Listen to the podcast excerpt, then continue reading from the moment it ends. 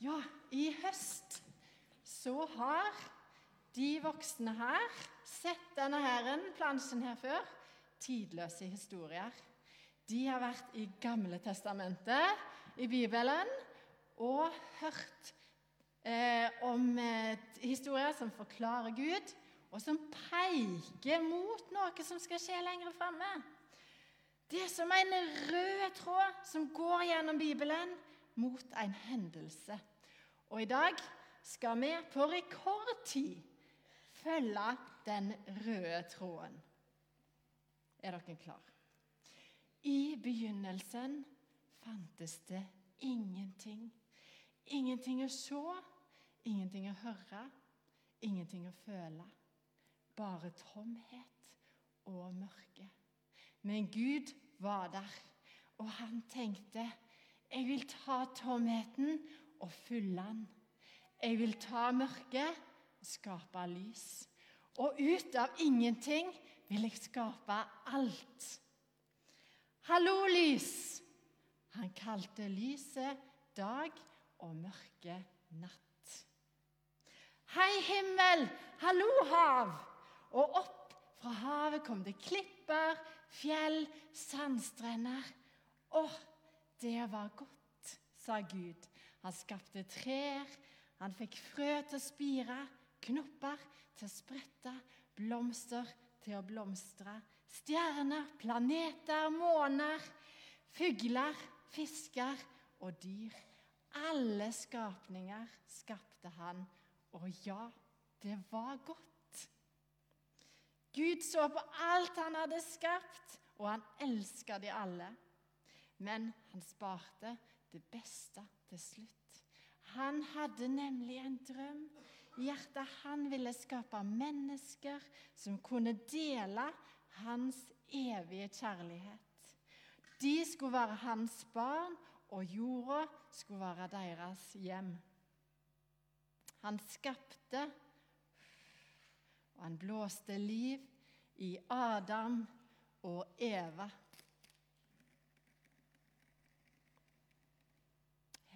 Adam og Eva. Gud så alt han hadde skapt, og han tenkte 'perfekt, I love it'. Men alle stjernene, fjell og galaksene Ingenting kunne måle seg mot den kjærligheten og det eh, men, med, med, med, Så høyt han elsker menneskene. Han var villig til å bevege både himmel og jord for å være i nærheten av de. For alltid, uansett hva som skulle skje, så ville han alltid elske dem. Og sånn begynte verdens vakreste historie. Adam og Eva de levde lykkelig i hagen sin, i hvert fall ei stund, til alt gikk galt. For eh, Gud hadde nemlig en fiende som het Satan. Satan hadde vært en eh, engel men han nøyde seg ikke med å være engel, han ville være Gud. Og han var både stolt og ond og full av hat, så Gud måtte kaste han ut av himmelen.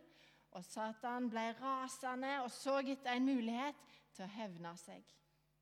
Derfor gjorde han seg om til en slange og la seg på lur i hagen. Og mange av dere kjenner historien. Slangen lurte Eva og hun var ulydig mot Gud.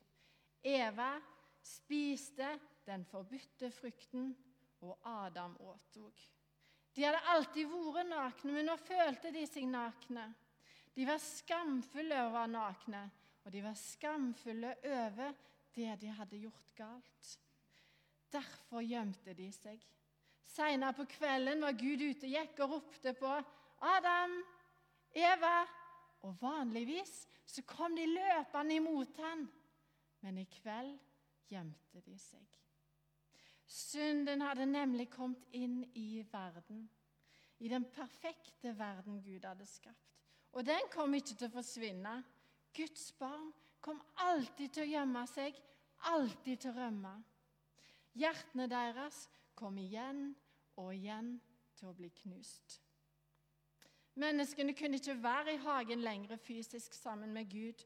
Dere må forlate hagen, sa Gud med tårer i øynene og vondt i hjertet. Før de drog, så lagde Gud klær til dem. Et liv måtte tas for å dekke de nakne kroppene. Klærne de kunne skjule skammen til Adam og Eva. Men seinere i historien så vet vi om et menneske, ikke et dyr, som måtte dø.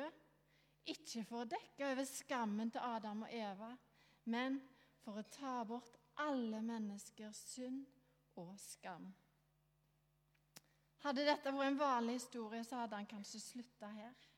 Men denne fortellingen er ikke som alle andre, fordi Gud elska menneskene for høyt. Og Han visste at de kom til å måtte tåle mye smerte og elendighet, men han hadde en plan.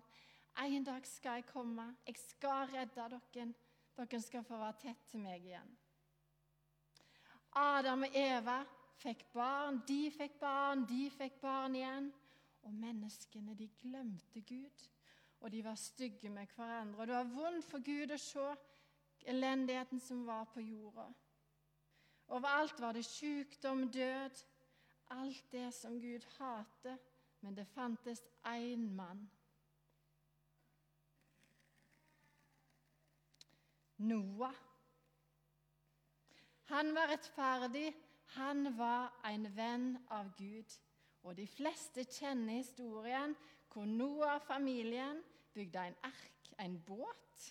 Og Noah hadde fått beskjed om at en dag kom det så mye regn, flom, som kom til å dekke jorda og vaske bort all ondskap.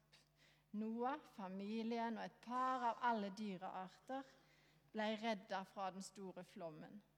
Jorda fikk en ny start. Men det tok ikke lang tid før alt gikk galt igjen. Før ondskapen var tilbake. Gud ble ikke overraska. Han hadde allerede før tidenes morgen hatt en plan, en redningsplan. Ikke å ødelegge verden sånn som flommen, men å redde den. En dag skulle han sende redningsmannen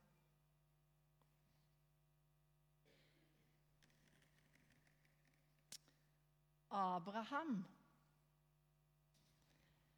satt ute i mørket en gang. Er det noen som har vært på fjellet eller i skogen og sett på stjernehimmelen?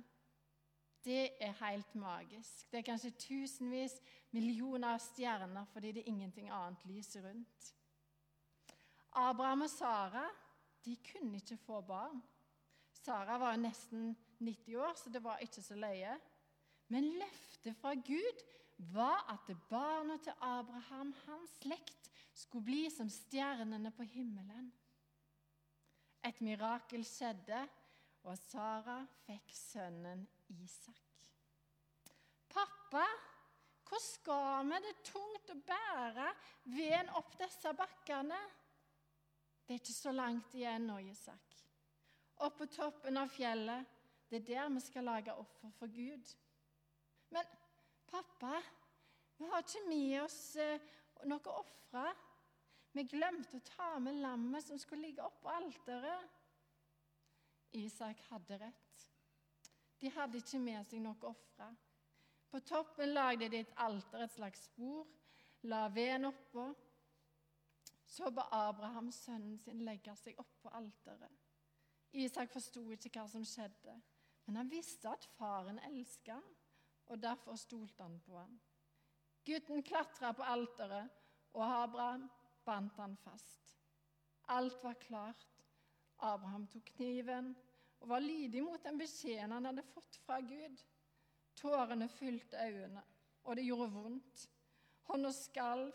Han løfta han høyt, og i det hørte han Stopp! Gutten skal leve, han skal ikke dø. Den gangen sørga Gud for et annet offer, et dyr. Men mange år seinere skulle nemlig en annen sønn gå opp på en høyde med et kors på ryggen. Akkurat som Isak så måtte han stole på at faren sin var med han og gjøre det han ba han om. Han verken kjempa imot eller rømte sin vei. Hvem var han? Jo, han var Guds offerlam.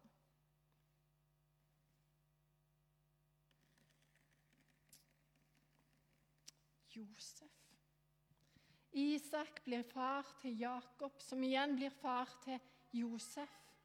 Og noen husker han som blir solgt som slave til Egypt av brødrene sine for noen sølvpenger. For et enormt svik, en hatefull handling. Når vi leser historien videre, så endrer den seg til å bli en av de vakreste historiene i Bibelen om hvordan Josef flere år seinere møter familien ikke med hevn, ikke med hat, men med tårer, med kjærlighet, med tilgivelse. Og kan dere nå huske en annen mann som ble solgt som for sølvpenger, svikta av en av sine beste venner, Jesus, som blir svikta av Judas i hagen rett før han blir korsfesta. Men denne gangen var det ikke bare familien som skulle få tilgivelse. Nei, tilgivelsen skulle gjelde for alle mennesker til alle tider.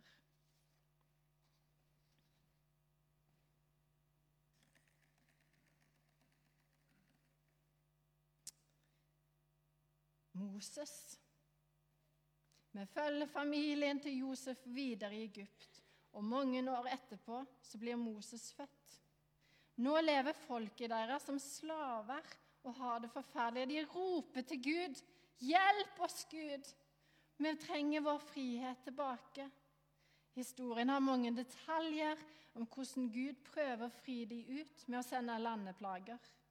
Farah lover gang på gang at de skal gå, men om, eh, eh, ombestemmer seg og straffer de hardere. Siste og mest alvorlige plagen som kommer, er når alle førstefødte gutter i landet dør. Utenom de som har slakta et reint lam og strøket bordet deres over dørkarmen. Blodet beskytter mot død, og barnet, det fikk leve. Wow, en heftig historie. Historien som gjorde at israelsfolket fikk sin frihet igjen. Og det er det de fortsatt feirer under høytiden påske. Og mange hundre år seinere så skulle noe annet akkurat i dette tidspunktet skje, når folket feirer påske. Denne gangen var det ikke et lam som skulle fri menneskene, men Gud skulle sjøl sørge for offerlammet. Hans egen sønn, hans eneste sønn, hans elskede sønn skulle ofres for menneskene sin redning, frihet og evige liv. Og vi kan lese videre om kong Saul, om David, Salamon, profetene, som alle peker mot det som en dag skal skje. Redningsaksjonen som skal komme. Og det er akkurat det vi feirer jula i advent. Og advent, det betyr komme.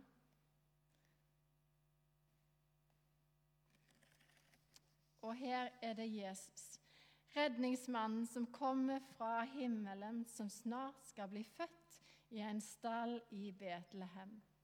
Han som gjenoppretter skaden som synden har gjort og gjør, sånn at Gud igjen kan komme nær til barna sine, som han elsker så ufattelig høyt.